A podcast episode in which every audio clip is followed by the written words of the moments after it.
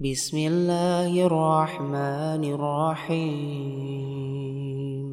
لإيلاف قريش إيلافهم رحلة الشتاء والصيف.